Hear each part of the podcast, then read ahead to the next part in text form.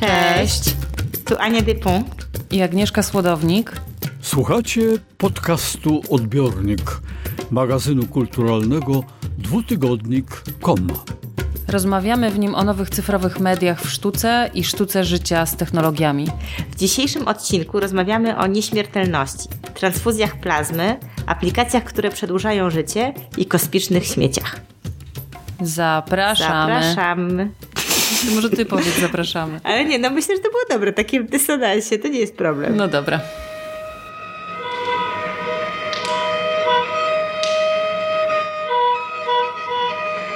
Zazwyczaj planujemy odcinki z dużym wyprzedzeniem, bo mamy więcej pomysłów niż możliwości realizacji. Od kilku miesięcy planowałyśmy, że na wiosnę zrobimy odcinek o nieśmiertelności. Zastanawiałyśmy się nad zmartwychwstaniem w nowych kontekstach. Nikt nie przypuszczał, a przynajmniej pf, na pewno nie my, że pojęcia takie jak kruchość życia, przyszłość, przetrwanie diametralnie i dla całych społeczeństw zmienią znaczenie i wagę w ciągu kilku tygodni, kiedy będziemy pracować nad odcinkiem.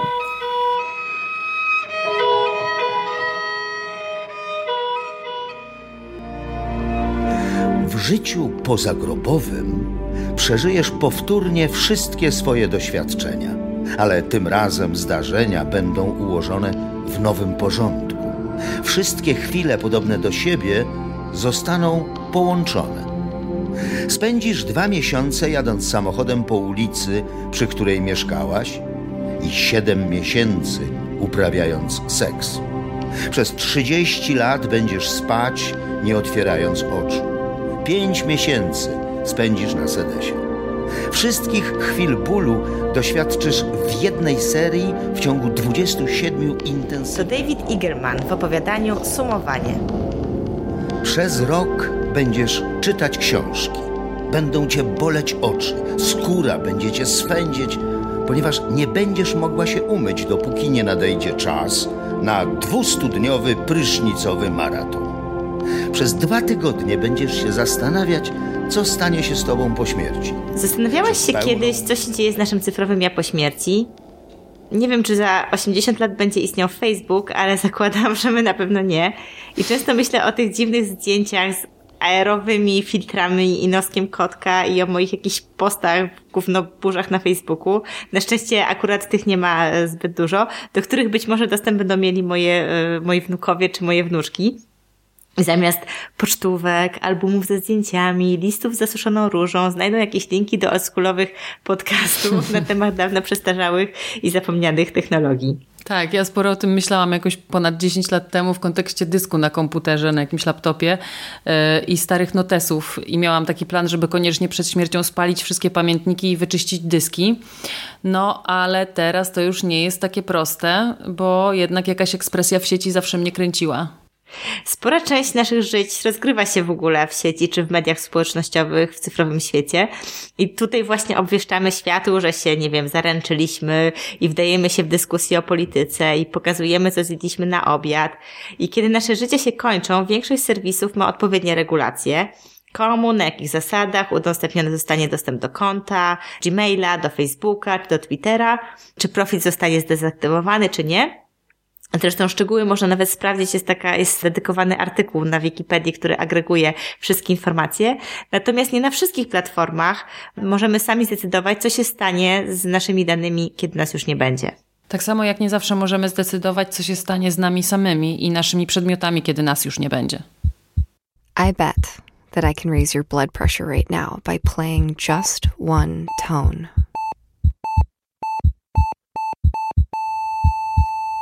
But what if that were not the sound of death creeping up behind us, but of life stretching out ahead of us? What if medical intervention, instead of just treating illness, actually helped us stay well longer? How long? An extra hundred years, maybe? Maybe a thousand? Or maybe endless existence, stretching out to the end of time?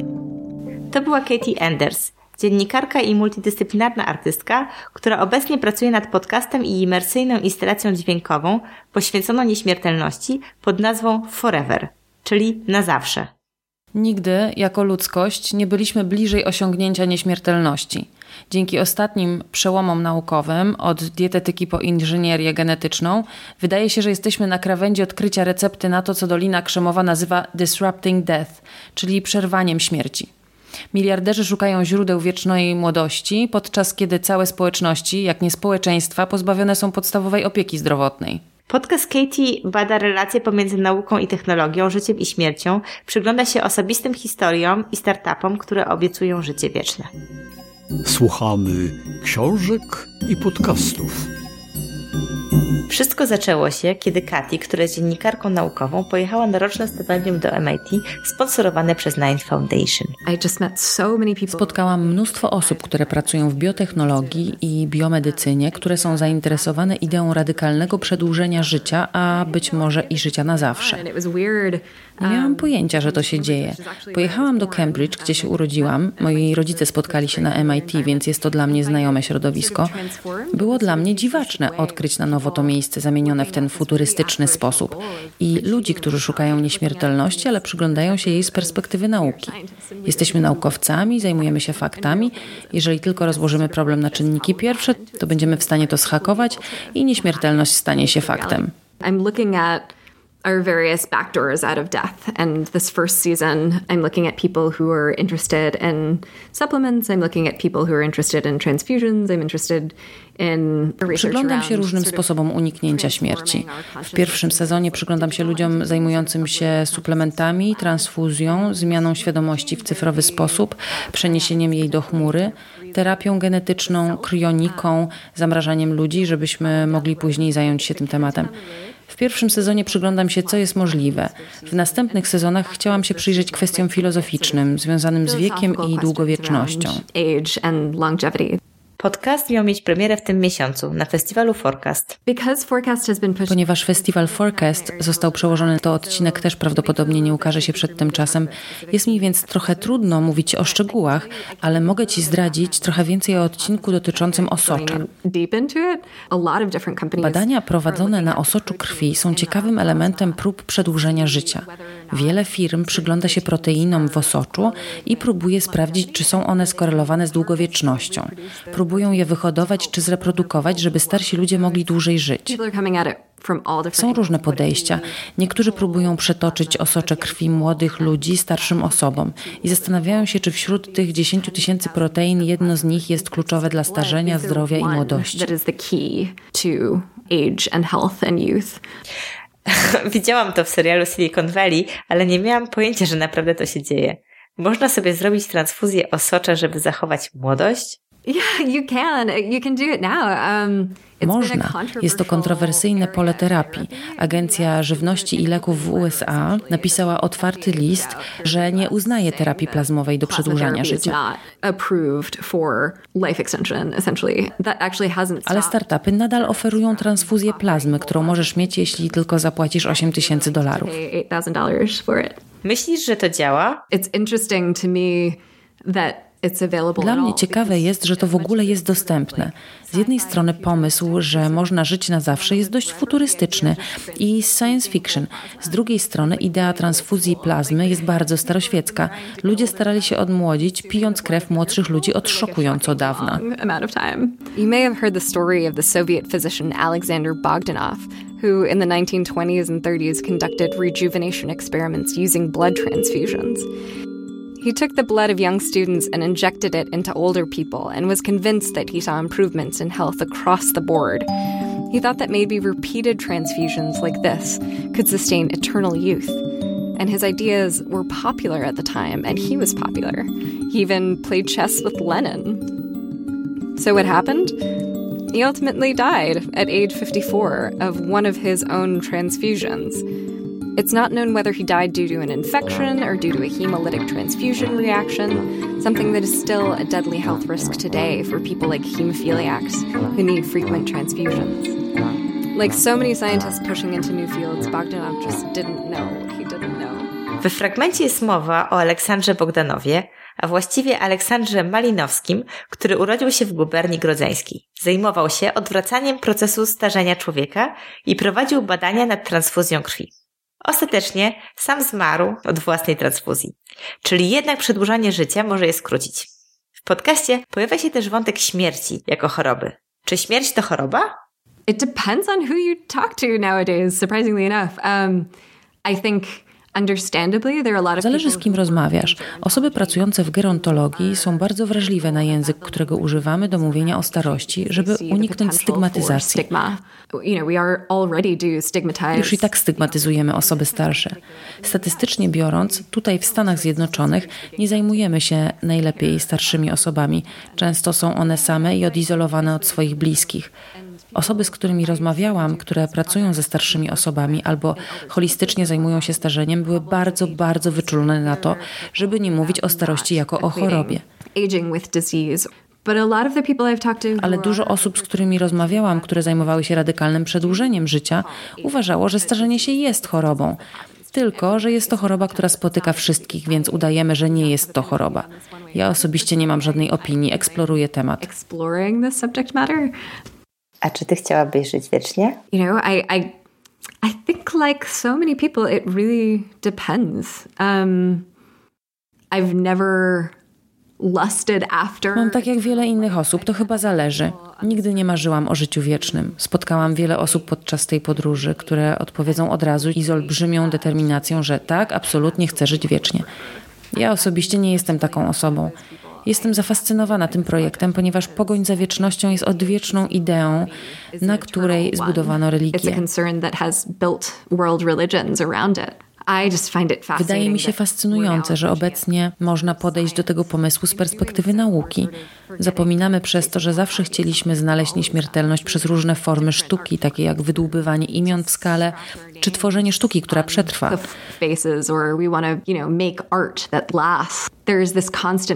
Nieustannie gonimy za przedłużeniem danego nam czasu. Czy coś Cię zaskoczyło? Yeah, I've been repeatedly surprised in reporting this project out. I think Byłam wielokrotnie zaskakiwana pracując nad tym projektem. Moje ulubione, niespodziewane momenty to te, w których moje przedsądy zostały obalone. Zazwyczaj tak się czuję, kiedy pracuję nad reportażem, ale szczególnie w tym projekcie idea przedłużania życia budzi w ludziach bardzo silne reakcje. Codziennie podejmujemy mnóstwo decyzji na temat naszego życia, co jest dla nas ważne, nawet małe decyzje. Moje własne impulsy i uprzedzenia stały się dla mnie bardziej zauważalne, bo musiałam się z nimi zmierzyć. Jednym z takich momentów była podróż do Kościoła Wiecznego Życia na Florydzie. Denominacyjnie jest to kościół chrześcijański, który bada formę transhumanizmu. Mówią o sobie po angielsku immortalists, czyli wierzą w nieśmiertelność. Wierzą, że przy wykorzystaniu nauki, w szczególności kryoniki, można uśpić ludzi, a następnie dzięki postępowi naukowemu i środkom finansowym przeznaczonym na badania naukowe, kongregacja będzie w stanie później tych wszystkich ludzi wzniecić i dać im wieczne życie.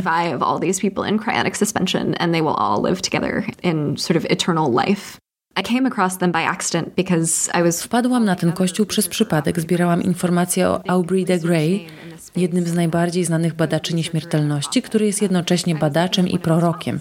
Zobaczyłam, że miał mowę w tym kościele. Pomyślałam sobie, co to jest. Byłam bardzo zaskoczona, że pomysły, które wydawały mi się religijne w świecie nauki, stały się jednocześnie nową religią w tym małym kościele w Hollywood na Florydzie.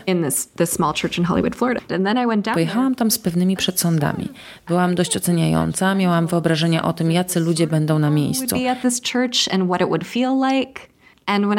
Przyjechałam i okazało się, że byłam w totalnym błędzie. Nie chcę wszystkiego zdradzać, ale muszę powiedzieć, że historia o tym kościele jest dużo bardziej opowieścią o wspólnocie i wspólnym celu i wadze społeczności, niż o ludziach, którzy korzystają z religii i nauki. Byli tacy mili, otwarci i przyjmujący. Jako osoba niewierząca musiałam zrewidować myślenie o sposobie, w jaki Kościół zawsze dawał możliwość przedłużania życia. Nie chodzi tylko o perspektywę religijną, ale również wspólnotę zajmowania się sobą i wspierania się. Oprócz podcastu stworzyłaś też wielokanałowe imersyjne instalacje, które powstały dzięki festiwalowi Forecast. I found this subject matter to be so moving and strange. Um, Temat wydawał mi się tak bardzo poruszający i dziwny i niesamowity, że chciałam stworzyć formę, która to odzwierciedli. um, Nie chciałam, żeby to były jedynie proste komunikaty, kilka artykułów o tym, jak można przedłużyć życie. Chciałam stworzyć małe doświadczenie imersyjne wokół podcastu. Po raz pierwszy pokazałam te instalacje w zeszłym miesiącu w Istambule. To był wspaniały dar móc je tam pokazać i nad nimi pracować. Doświadczenie bazuje na Kościele Wiecznego Życia. Byłam tak poruszona fizycznym doświadczeniem bycia w kościele, że chciałam je odtworzyć. Instalacja w Istambule była prototypem imersyjnego odcinka o Kościele Wiecznego Życia. Nagrałam odcinek na pięciu różnych kanałach przez pięć różnych mikrofonów. Kiedy doświadczasz instalacji, masz trochę doświadczenia, jakbyś siedziała w Kościele Wiecznego Życia. Welcome to Forever, a podcast about living. In the first season, we'll explore which doors might yield. Maybe we should take enzyme supplements. Maybe there will be a breakthrough in gene therapy. Or maybe we'll merge with robots and we'll take a look at where this all might lead. As a science journalist, I worry that too often science stories contribute to the sense that technology is something that happens to us, over which we have no say and no control. But the story of science is human and messy and wondrous. And I would be delighted if you would join me on this first season of Forever. Because if there's one thing we all share, it's that we're going to die.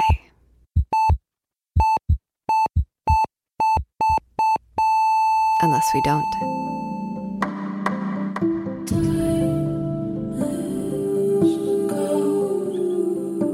Podcast Forever ukaże się w najbliższych miesiącach, a więcej szczegółów o projekcie można też znaleźć na stronie berlińskiego festiwalu Forecast, którego kwietniowa edycja została, póki co, odroczona.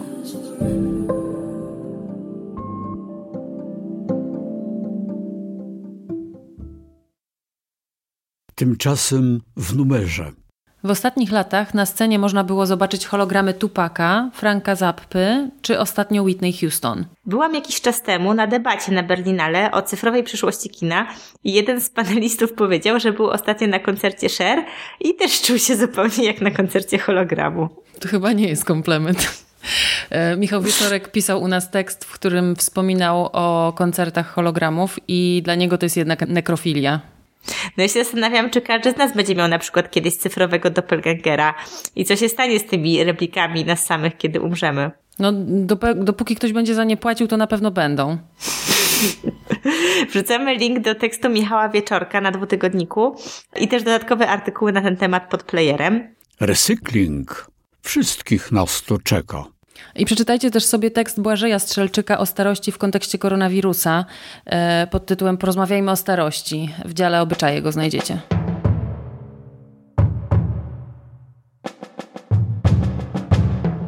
A co jeśli akurat nie mamy tych 8 tysięcy dolarów na kontrowersyjną i niezalecaną przez Instytucję Zdrowia Publicznego terapię przytaczania osocza? Ja na przykład używam kremów przeciwzmarszczkowych, bo w zdrowym ciele zdrowy duch, ale też myślę, że na zdrowym duchu opiera się zdrowe ciało. No, czyli jednak starość to dla Ciebie choroba. Nie, ale młodość jest wartością w naszym społeczeństwie. Ja sobie pomyślałam ostatnio, że przecenianą, bo jak tak wyobraź sobie, że masz 95 lat, jak moja babcia, to y, młodość to jest jakiś w ogóle bardzo krótki fragment życia. No, ale y, anyway, że tak powiem, y, długowieczność y, zależna jest y, tak w ogóle od wielu czynników genetycznych, środowiskowych, dostępu do medycyny, ale też naszego sposobu życia. Kilka tygodni temu poprosiłyśmy słuchaczy, żeby zostali naszymi królikami, nie wielkanocnymi, ale doświadczalnymi i spróbowali zawalczyć o swoją długowieczność. Tak jak twoja babcia. Yy, tylko ona, słuchaj, żadnych apek. Karola i Jacek dostali od nas zestaw aplikacji, każdy inny i odpowiadający ich indywidualnym potrzebom. Codziennie mieli z nich korzystać, obserwując, czy i jak poprawia się ich samopoczucie. Jacek akurat kończył 27 lat 11 marca. Dostał do przetestowania aplikacje, które mają przynosić szczęście, podnosić jakość życia, sprawiać, że będzie się zdrowiej jadło i uprawiało sport. 13 kwietnia rząd wprowadził w Polsce stan zagrożenia epidemicznego i nasze życie diametralnie się zmieniło.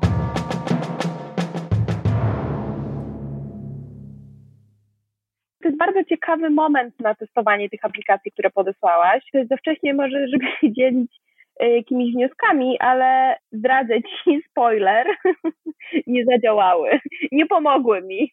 W środę był, miałem urodziny, byłem w teatrze jeszcze i to był ostatni spektakl. Kurczę, już 27 to już jest, już się zaokrągla do 30, a nie do 20. No teraz po urodzinach pójdę na siłownię, ponieważ to jest taki moment, kiedy jeszcze mogę w jakiś sposób trenować swoje ciało, rozwinąć je bardziej zdrowotnie, a później to już będzie tylko takie trwanie. Wtedy myślę o śmiertelności. Po to powinienem ćwiczyć i myśleć o tych rzeczach, żeby żyć dłużej, a nie żeby się czuć lepiej. W ogóle pytanie, czy trzeba sobie przedłużać życie, czy może bardziej byśmy chcieli przedłużyć sobie młodość? Ja bym była zainteresowana przedłużeniem młodości. Młodość jest świetna. Karola ma 24 lata. Mieszka w Warszawie, pracuje w korporacji, a naukowo zajmuje się zmianami społecznymi w późnym kapitalizmie. Brakowało jej cyfrowego i mentalnego detoksu i równowagi. Aplikacja Moment ma skrócić czas kompulsywnego korzystania z telefonu, Headspace pomóc w medytacji, Kintu w lepszym życiu seksualnym, a Moodrise podnieść nastrój. Jacek z kolei mieszka we Wrocławiu i pracuje w organizacji pozarządowej. Testował Happify, która ma pomóc osiągnąć szczęście, Les, która wspiera zrównoważoną dietę, Day One do pisania dziennika. Siłownie zostały zamknięte, ale Jacek dostał też aplikację do ćwiczenia.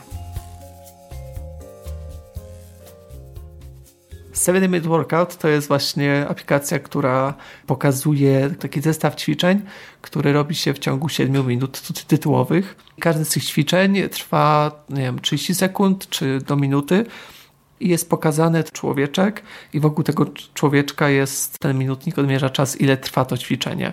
I to jest naprawdę przydatne, jeśli szukacie bardziej regularnych ćwiczeń, to 7 Minute Workout daje dobre tempo ćwiczeń, mocno tak zaakcentowane. Ale chyba Happify jest fajniejsze, bo to jest takie coś, co nam ucieka w życiu. E, jest taka aplikacja, której no właśnie opowiada się elektronicznemu asystentowi, powiedzmy terapeucie, co było w ciągu dnia, co się działo, za co jest się wdzięcznym, co się wydarzyło, żeby zachować tą higienę nie tylko ciała, ale też i umysłu. Bot y, pyta cię, co, co się wydarzyło, i tam napisałem, że powiedzmy, że jestem szczęśliwy, bo się z kimś widziałem i on tak dopytuje ten bot. Dlaczego to jest ważne? No bo wcześniej byłem samotny. Ojej, jesteś samotny, zadzwoń pod tę linię, że dlaczego, że system nie, nie ogarnął tego, że musimy siedzieć. Moodrise jest śmieszny bardzo, ale w ogóle nic nie daje. De deklaruje się poziom swojego nastroju, a potem jego różne składowe, to znaczy z czego ten dobry czy zły nastrój wynika, z tego, że się samym, czy wśród ludzi. I e, wtedy aplikacja odpowiednio pod te mm, wytyczne wybiera treści, które mają albo ten stan, jak rozumiem, podtrzymać, albo go poprawić. To było świetne, bo był to humor jeden z takich gorszych w ciągu tego zamknięcia taki naprawdę nie, to był nieprzyjemny dzień. No i tak stwierdziłam, że no jednak poświęcę się dla nauki. No i tam wpisałam te wszystkie rzeczy. Najpierw oglądałam pieski, to było świetne. Potem oglądałam jakieś dzieci turlające się po trawie, też to było świetne.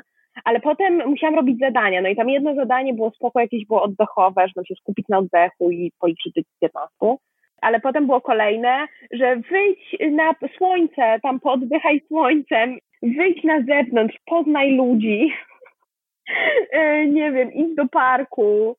No i byłam taka, no chciałabym bardzo, ale niestety nie mogę. Ja mam balkon na szczęście. Balkon jest kluczową, myślę, rzeczą też w architekturze teraz miejskiej bardziej. Headspace jest ekstra. Ona jest o medytacji, o wyciszeniu, o takich treningach, na przykład oddechu nigdy nie medytowałam y, y, pomocą jakby jakiejś e, aplikacji czy nie wiem, trenera, więc to było dla mnie coś totalnie nowego.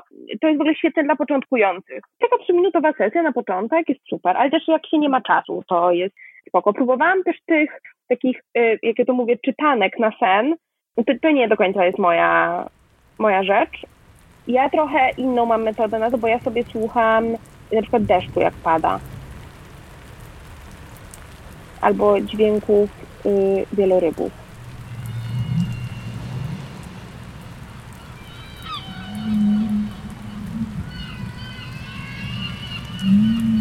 Dzisiejszym świecie, jeśli ktoś, ktoś by powiedział, że ktoś pisze dziennik, to to brzmi już nie jak codzienna rzecz do zrobienia, tylko już tak bardzo literacko nam się kojarzy. Dzienniki nam się kojarzą z jakąś epistolarną sztuką, z jakimiś wydaniami wspólnymi i to już nie byłoby takie codzienne, tylko to jest takie odświętne, powiedzmy, i takie bardzo refleksyjne. Ale jeśli chodzi o takie apki, to przynajmniej w moim przypadku było fajne, że mogłem sobie dać właśnie jakieś zdjęcie, jakiś link może, czy co, co oglądałem, mniej istotne działania życiowe, po prostu luźniejsze były te rzeczy, więc to akurat było fajne, że można też te codzienne rzeczy włączać do tej refleksji o, o życiu, ale też y, wydaje mi się na przykład z jedzeniem mało kto ma czas, czy chce mu się wypisywać na kartce kalorie. Ale jest jeszcze jedna apka, którą, e, która jest absolutnie najgorsza z nich wszystkich. Jest, jest tak fatalna, że mój chłopak, bo musieliśmy w parze to robić, że mój chłopak po pięciu dniach był taki Karola, czy mogę to usunąć? Mam taka nie Tomek, nie możesz. To jest, to jest nauka. Jakby nie możesz, to jest eksperyment, jesteśmy w tym razem. Nazywa się Kindu, jest aplikacją o seksie. Pierwsza fatalna rzecz jest taka, że trzeba robić to w parze. A seks można uprawiać też nie w parze. Ja mam apkę o seksie już i to jest aplikacja X Confessions Eriki Last, reżyserki, producentki, która zajmuje się y, feministyczną pornografią. Pojawiają się takie karty i na tych kartach są napisane, no powiedzmy, fantazje. Trochę jak na Tinderze. Przesuwając w lewo odrzucamy, a przesuwając w prawo jesteśmy zainteresowani. I to samo robi nasz partner, partnerka. No i wtedy się zbiera te karty i można sobie robić. Tylko, że one są sexy i są fajne i są jakby ekscytujące i są z różnego porządku, nie tylko heteroseksualnego i jakby nie tylko z takiego zachowawczego. Są bardzo ciekawe. Jakby ja i mój chłopak mamy już tą apkę chyba za dwa miesiące. Uzbieraliśmy jakiś miliard kart już. Natomiast tutaj z tym Kindu hitem jest to, że te fantazje są tak absurdalne, niektóre. Make some love while up in a helicopter. Znaczy jakby dobrze, tylko poziom niedostępności tej fantazji jest dość duży. Strasznie mi przykro, że ludzie muszą o bliskości rozmawiać przez aplikację, bo tam są na przykład takie, że śpijcie obok siebie. Pomyślałam sobie oczywiście, że może dla pary, która ma dłuższy staż i może faktycznie, nie wiem, przeżywa jakiś rodzaj kryzysu, no to nie wiem, no to może to jest jakaś, jakaś, jakaś droga, tylko nie wiem, to, to jest może też jest idealistyczne bardzo, ale może trzeba porozmawiać ze sobą. W czasie kwarantanny najtrudniejsze jest to, że nie mamy takiego horyzontu czasowego, że nie wiemy, co się wydarzy za tydzień, nie możemy sobie zaplanować przez to, że siedziałem w domu i miałem tą pracę zdalną i się z nikim zbyt nie widziałem, to mi na pewno odprowadziły e, harmonogram dnia. To było bardzo potrzebne, szczególnie ten day one. Trzeba teraz, wydaje mi się, zapisywać, co się robiło e, i że mogę później do tego powrócić, bo dni się zlewają jedne z drugim. Nawet moja mama mówiła e, do kogoś, teraz przez telefon słyszałem, no teraz jak się nie chodzi do kościoła, to nie ma nie wiadomo, kiedy jest niedziela, nie ma takiego punktu tygodnia, więc absolutnie wszyscy mamy spłaszczony kalendarz od kiedy jesteśmy zamknięci w domu, no to siłą rzeczy oglądam więcej internetu i wszyscy produkują te treści takie z domu. No więc oczywiście jest cały festiwal dobrych porad na temat tego, co zrobić e, ze swoim wolnym czasem. Trzeba myć okna, układać puzzle i robić kursy internetowe na Oxfordzie. Ale potem y, chyba wszystkim y, w jakimś, nie wiem, tygodniu, dwóch tygodniach przyszedł taki moment otrzeźwienia i takiej też, y, przynajmniej w mojej bańce, pojawiła się taka dyskusja o zdrowiu psychicznym, że właśnie nie, trzeba sobie dać może przestrzeń na, na poczucie się bezpiecznie, na tyle, na ile to jest możliwe, na takie bycie też ze sobą okej, okay, że właśnie nie trzeba oglądać opery online i że można sobie poleżeć pod kocem. Można oczywiście, jeżeli się ma ochotę, ale też nie trzeba ludzie teraz mówią, że o, teraz tego się nauczę, tak się zmienię w taki sposób, będę innym człowiekiem i to akurat nie wierzę. Pewnie jak będziemy mogli wyjść, to i tak wrócimy do tych samych nawyków. Przez samo to, że ludzie muszą się zastanowić nad tymi tematami, o których rozmawialiśmy. No, śmiertelności lub nieśmiertelności w kontekście bardzo prozaicznym i takim bezpośrednim. Myślę, że to może być takim nie wiem czy szokiem, ale takim, takim doświadczeniem, które wszystkich nas dotyka. Przy okazji kwarantanny też sobie nadrabiałem jakieś nagłości, na przykład serial Fossi Verdon o tym broadwayowskim choreografie, który też miał tam obsesję na punkcie śmierci i generalnie te wątki, które tam się pojawiały, to były takie, że, że jeśli ktoś jest pracowity w formie kreatywnej, to też chodzi mu o to, żeby zachować życie w sztuce, zapewnić sobie nieśmiertelność przez te dzieła, które tworzy. I też wydaje mi się, że jakaś taka świadomość śmierci może być bardzo dobrym katalizatorem naszych działań. Może nie powinniśmy sobie zadawać pytania o to, czy my powinniśmy dłużej żyć, tylko powinniśmy zadać sobie pytanie, co zrobić, żeby ta planeta dłużej żyła. Pamiętam, jak w, chyba w National Geographic pojawił się ten artykuł, że planecie zostało tam 50 lat życia, co oznacza, że gdybym ja zdecydowała się kiedyś na dzieci, no to one by doświadczyły końca świata. Może nawet ja bym doświadczyła. I czy w takich warunkach sobie chcemy przedłużać życie? Nie wiem. Ja chyba nie. Ja mam poczucie bardziej, że to chodzi o to, że te życie będzie pełniejsze, a nie dłuższe. Teraz trochę inaczej zabrzmi, i nie chcę, żeby tak brzmiało za patetycznie, ale na pewno ludzie myślę, że są taki ważni, żeby ktoś się o, o, o kogoś troszczył, e, po to mam tą łapkę, żeby, żeby sprawdzić, czy coś zrobiłem, a tak może ktoś inny by mi to sprawdził. E, nie wiem, już żeby wyjść już zupełnie w takie bardziej patetyczne, czy jakieś takie ckliwe klimaty, to na przykład dzieci myślę, że są takim znakiem nieśmiertelności, że to jest coś, co po nas zostanie. Nie? To jest taka naturalna kolejka pokoleń, że ktoś umiera, ale dziecko się rodzi i jakby nowe życie się pojawia pojawia, więc myślę, że tak po prostu no, ludzie są bardzo istotni w zachowaniu nieśmiertelności.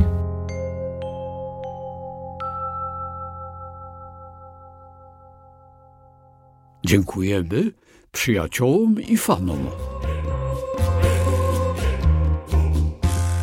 Spędziłam kilka godzin czytając recenzje, wybierając dla każdego z naszych królików odpowiednie aplikacje, bo zależało mi, żeby były jak najlepiej dopasowane do ich potrzeb. Więc jeżeli ktoś z naszych słuchaczy albo słuchaczek chciałby spróbować na własnej skórze tych aplikacji, listę też zamieszczamy pod playerem.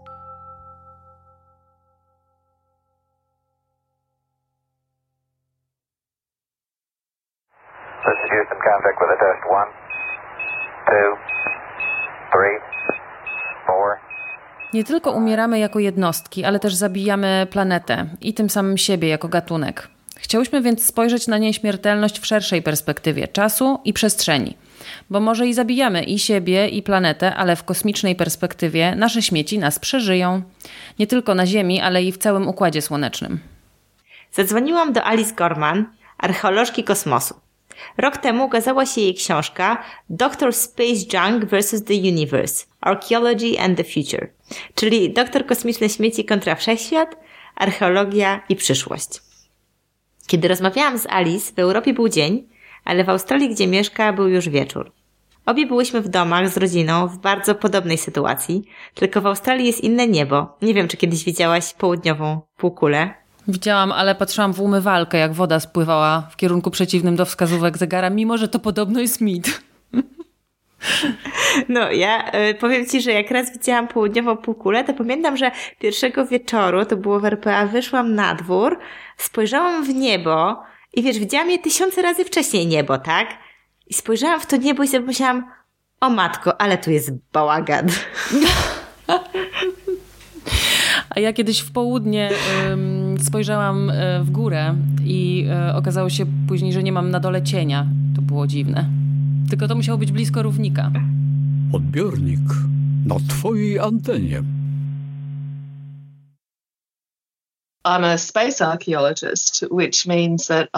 Jestem archeolożką kosmosu. Przyglądam się artefaktom i miejscom związanym z eksploracją przestrzeni kosmicznej, satelitom krążącym wokół Ziemi, misjom na inne planety i w głąb układu słonecznego.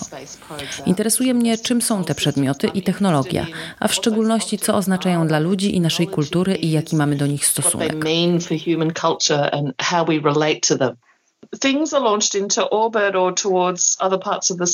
W kosmos i na orbitę obiekty wysyłane są przynajmniej raz na parę miesięcy.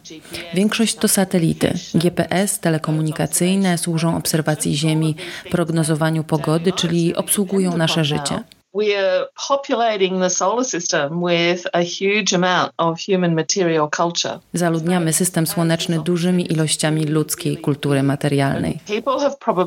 Kosmos jest oczywiście olbrzymi. Czasami widzi się rysunki Ziemi gęsto otoczonej białymi kropeczkami, które symbolizują śmieci kosmiczne. Wydaje się, że jest ich mnóstwo W rzeczywistości pomiędzy nimi są duże odległości, ale wciąż tych śmieci jest sporo. Można wyobrazić sobie, że jest to równoznaczność 6 tysięcy samców słoni afrykańskich orbitujących wokół Ziemi. Ostatnio wyliczyłam to też w inny sposób, jako równoważność 8 milionów i 400 tysięcy ropów olbrzymich. To dość nieznośne stworzenia, z którymi mamy poważny problem w Australii. To dobra analogia do kosmicznych odpadów. Stworzyliśmy problem środowiskowy w kosmosie. Wysłaliśmy tam tyle rzeczy, że ryzyko zderzenia stanowi zagrożenie dla przyszłych misji. Obiekty na ziemskiej orbicie poruszają się ze średnią prędkością 7-8 km na sekundę.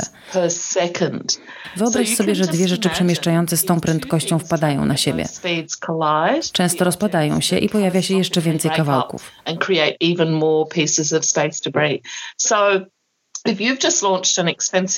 Kiedy ktoś wysyła drogiego satelitę, a satelity są drogie, kosztują miliony czy miliardy dolarów, a ten zderzy się ze śmieciami w kosmosie, całe pieniądze przepadają. Operatorzy satelitów nie są szczególnie chętni do ponoszenia takich kosztów. Kosmiczne śmieci zderzają się z kolejnymi, co sprawia, że jest ich w przestrzeni kosmicznej coraz więcej i więcej. Aż w końcu kolizje mogą stać się tak częste, że już nic nie da się wypuścić na orbitę. Poza tym latające odpadki oczywiście stanowią zagrożenie dla bezpieczeństwa astronautów. Wyobraźmy sobie archeologa z przyszłości, który za 50, 100, 200 czy 500 lat przemierza układ słoneczny. Przygląda się tym wszystkim przedmiotom, które pozostawiliśmy po sobie.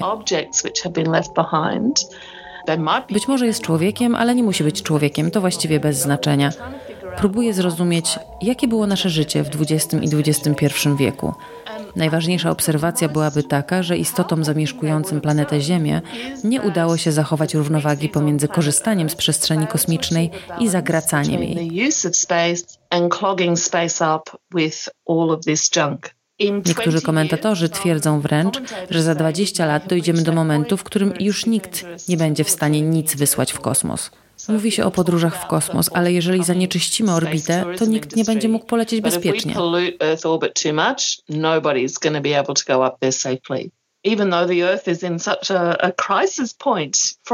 Mimo tego, że Ziemia pod wieloma względami jest w kryzysie, wciąż jest duże pragnienie, żeby eksplorować kosmos. Może się jednak okazać, że na Ziemi będą kolejne pandemie, a zasoby, których potrzebujemy, żeby lecieć w kosmos, a potrzeba ich mnóstwo, to jest bardzo drogie, są już niedostępne albo że ludzie nie będą chcieli nigdzie lecieć. Oczywiście ludzkość ma sporą potrzebę, żeby eksplorować inne planety. Ale z drugiej strony, wysyłając żyjące istoty w układ słoneczny, wysyłamy w przestrzeń nie tylko życie, ale też i śmierć. At some point, someone will die jeszcze się to nie przydarzyło, ale kiedyś ktoś umrze orbitując wokół Ziemi albo gdzieś w ludzkim siedlisku na Księżycu czy Marsie. Ktoś umrze i przyniesiemy śmierć do tych miejsc. Rozmawiamy o śmierci. Zajmujesz się kosmicznymi śmieciami. Co to oznacza? Kiedy sprzęty w kosmosie można uznać za żywe, a kiedy stają się martwe? Używamy metafory śmieci, jakby to były przedmioty codziennego użytku, które wywaliliśmy. Ale to wszystko są roboty i maszyny. Niby nie są żywe, ale komunikujemy się z nimi, wysyłamy sygnały. Można więc powiedzieć, że poniekąd są żywe, mówią do nas. Ale kiedy straci się kontakt, stają się śmieciem. Technicznie wciąż mogłyby działać, ale nikt z nich w danej chwili nie korzysta. Niektóre satelity mogłyby być wykorzystane, jeżeli ktoś miałby na to środki, więc nie są odpadami. Dla mnie najciekawsze są obiekty w orbicie Ziemi, które choć nie są używane do celów naukowych czy technologicznych, pełnią funkcję społeczną albo symboliczną znaczą coś dla ludzi na Ziemi. Jeżeli coś pełni funkcję społeczną, uważam, że nie jest śmieciem, ma znaczenie jako część naszego dziedzictwa. Te obiekty w kosmosie stają się elementem systemu społecznego na Ziemi. Kiedy podróże kosmiczne rozpoczęły się w latach 50. i 60., istniało silne przekonanie kulturowe, że prawem ludzi jest eksploracja i podbój kosmosu.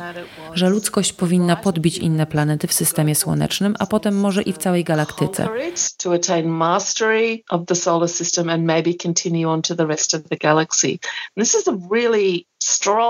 To bardzo silny wątek w narracji o kosmosie. Ludzkość nie tylko ma prawo je zasiedlić, ale jest to niemal jej biologiczny imperatyw but that it's almost a biological imperative to do that. So these wealthy space barons. Baronowie kosmosu, miliarderzy, którzy chcą wysyłać ludzi na Marsa, niektórzy wyrażają się i myślą w ten właśnie sposób. Chcą zapewnić ludzkości nieśmiertelność. Uważają, że jeżeli ludzkie DNA gdzieś przetrwa, to staniemy się nieśmiertelni. Nasz gatunek przetrwa, nawet jeżeli poszczególne jednostki już nie będą żyły. To bardzo często częste podejście i wiele osób zakłada, że jest ono w porządku. Ale kiedy się nad tym głębiej zastanowić, szalenie ciekawe jest, że opiera się na elżbietańskich, XVII-wiecznych poglądach, które z kolei wypływają z biblijnego myślenia. Człowiek jest panem wszystkiego, co istnieje we wszechświecie. Zaskakujące, że tak futurystyczne zjawisko jak podróże w kosmos opiera się na tych bardzo starych koncepcjach. Uważa się też, że same fizyczne obiekty kosmiczne mogą również zapewnić ludzkości jakiś rodzaj nieśmiertelności provide a kind of immortality for humans as well. So a very famous example Bardzo znanym przykładem jest wystrzelenie w kosmos w 2018 roku czerwonego samochodu sportowego Elona Muska. Into space. And this was a to był zupełnie symboliczny gest. Tesla nie wykonywała żadnych eksperymentów naukowych, ale Elon Musk wyobraził sobie, że za miliony lat ktoś znajdzie szczątki tego czerwonego auta i dało mu to poczucie nieśmiertelności, ciągłości w dalekiej przyszłości.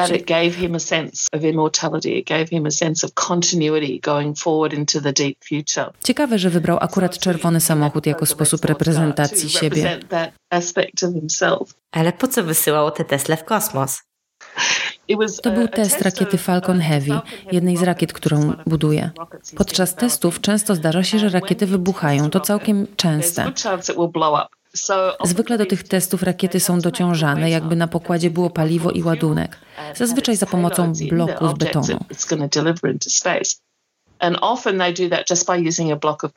Jeśli rakieta wybuchnie, to nic nie zostanie utracone. Ale w tym wypadku, zamiast wykorzystać kawałek betonu, Musk postanowił załadować do rakiety swój własny jaskrawo czerwony samochód sportowy marki Tesla. Mógł wybuchnąć, ale test okazał się olbrzymim sukcesem i Tesla poleciała w kosmos. Niepokojono się, że auto zderzy się z powierzchnią Marsa. Samochód nie był sterylny, nie był przygotowany na promieniowanie i w ogóle na bycie w kosmosie. Jeżeli rozbiłby się na Marsie, zdarzyłoby się dokładnie to, czego wszyscy się boją. Mógłby skazić Marsa ziemskimi mikroorganizmami.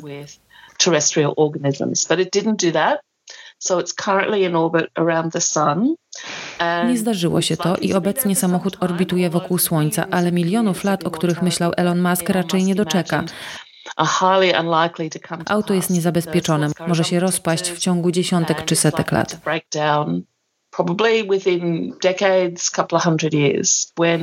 Kiedy samochód został z sukcesem wystrzelony w kosmos, był to rodzaj pomnika pamięci Maska.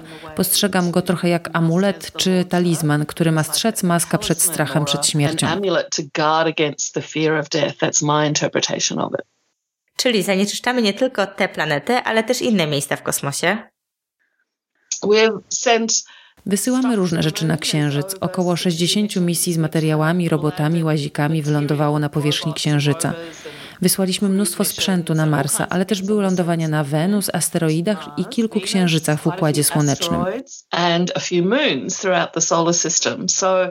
The risk there Ryzyko polega na tym, że możemy przy tej okazji w kosmos wysłać ludzkie bakterie czy inne mikroorganizmy, które mogą zniszczyć tamtejsze potencjalne życie. Nie chodzi więc tylko o sprzęt i przedmioty, które wysyłamy w kosmos, ale też mikroorganizmy, którymi zanieczyszczamy układ słoneczny. Astronauci doradzają nam wszystkim zamkniętym w domach, jak żyć w zamknięciu na małej przestrzeni. Nasza komunikacja podczas pandemii opiera się na tych wszystkich satelitach, które krążą obecnie w kosmosie. Jakie inne kulturowe relacje w czasach pandemii mamy z przestrzenią kosmiczną? Istnieje długa tradycja, zgodnie z którą pandemie czy epidemie rozpoczynają się w dalekim kosmosie, chociażby w filmach takich jak Tajemnica Andromedy, w którym wirus jest wynikiem kolizji z satelitą, czy Not żywych trupów, w którym bakteria, która powoduje powstanie zombie, pochodzi z próbki kosmicznej z Wenus. Mamy więc długą tradycję kulturową, w której straszne choroby pochodzą z kosmosu. Ale w rzeczywistości to działa w obie strony. Być może stworzymy nowe pole inkubacji dla mikroorganizmów. Mogą się pojawić choroby specyficzne dla Marsa czy Księżyca. Być może potrzebne będą dokładne regulacje dotyczące kwarantanny na innych planetach. Obecnie Komitet do Spraw Badań Przestrzeni Kosmicznej ma opracowane zasady działania, które mają zapobiegać wprowadzaniu mikroorganizmów ziemskich na inną planetę, ale w przyszłości być może będziemy potrzebować kwarantanny, szczepionek i zabezpieczeń również w innych światach, a nie tylko w naszym.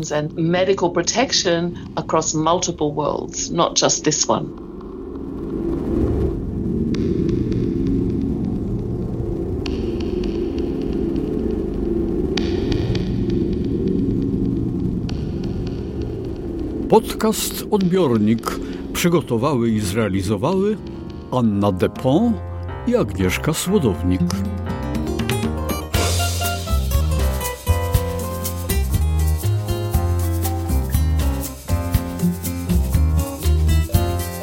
Redakcja dwutygodnika to Zofia Król, Paweł Suszyński, Maciej Jakubowie, Jakub Socha, Paulina Wrocławska, Piotr Kowalczyk i Agnieszka Słodownik. Sekretariat redakcji Anna Pajęcka. Podcast na licencji Creative Commons z wyjątkiem fragmentów podcastu Forever Katie Enders. Podcast odbiornik można kopiować i rozpowszechniać w dowolnym miejscu i na wybrany przez siebie sposób oraz remiksować i używać w ramach własnych utworów, także komercyjnych, o ile zaznaczy się autorki i tytuł oryginału. Wykorzystałyśmy utwory Lotus, Texture for Violoncello, Static Motion, Western Streets, Vulcan, Secret of Tiki Island, autorstwa Kevina McLeoda ze strony incompetech.com. Przytoczyłyśmy też fragment książki Davida Eaglemana w przykładzie Krzysztofa Środy pod tytułem Suma 40 opowieści o życiu pozagrobowym, wydawnictwo Biała Plama. Wykorzystałyśmy też dźwięki i sonifikacje przestrzeni kosmicznej zebrane przez NASA. Linki pod playerem. Na licencji Creative Commons uznanie autorstwa 3.0. Dziękujemy Jackowi i Karolinie za przyjęcie naszego wyzwania i podzielenie się swoimi historiami. Wydawca Dom Spotkań z Historią. Kwiecień 2020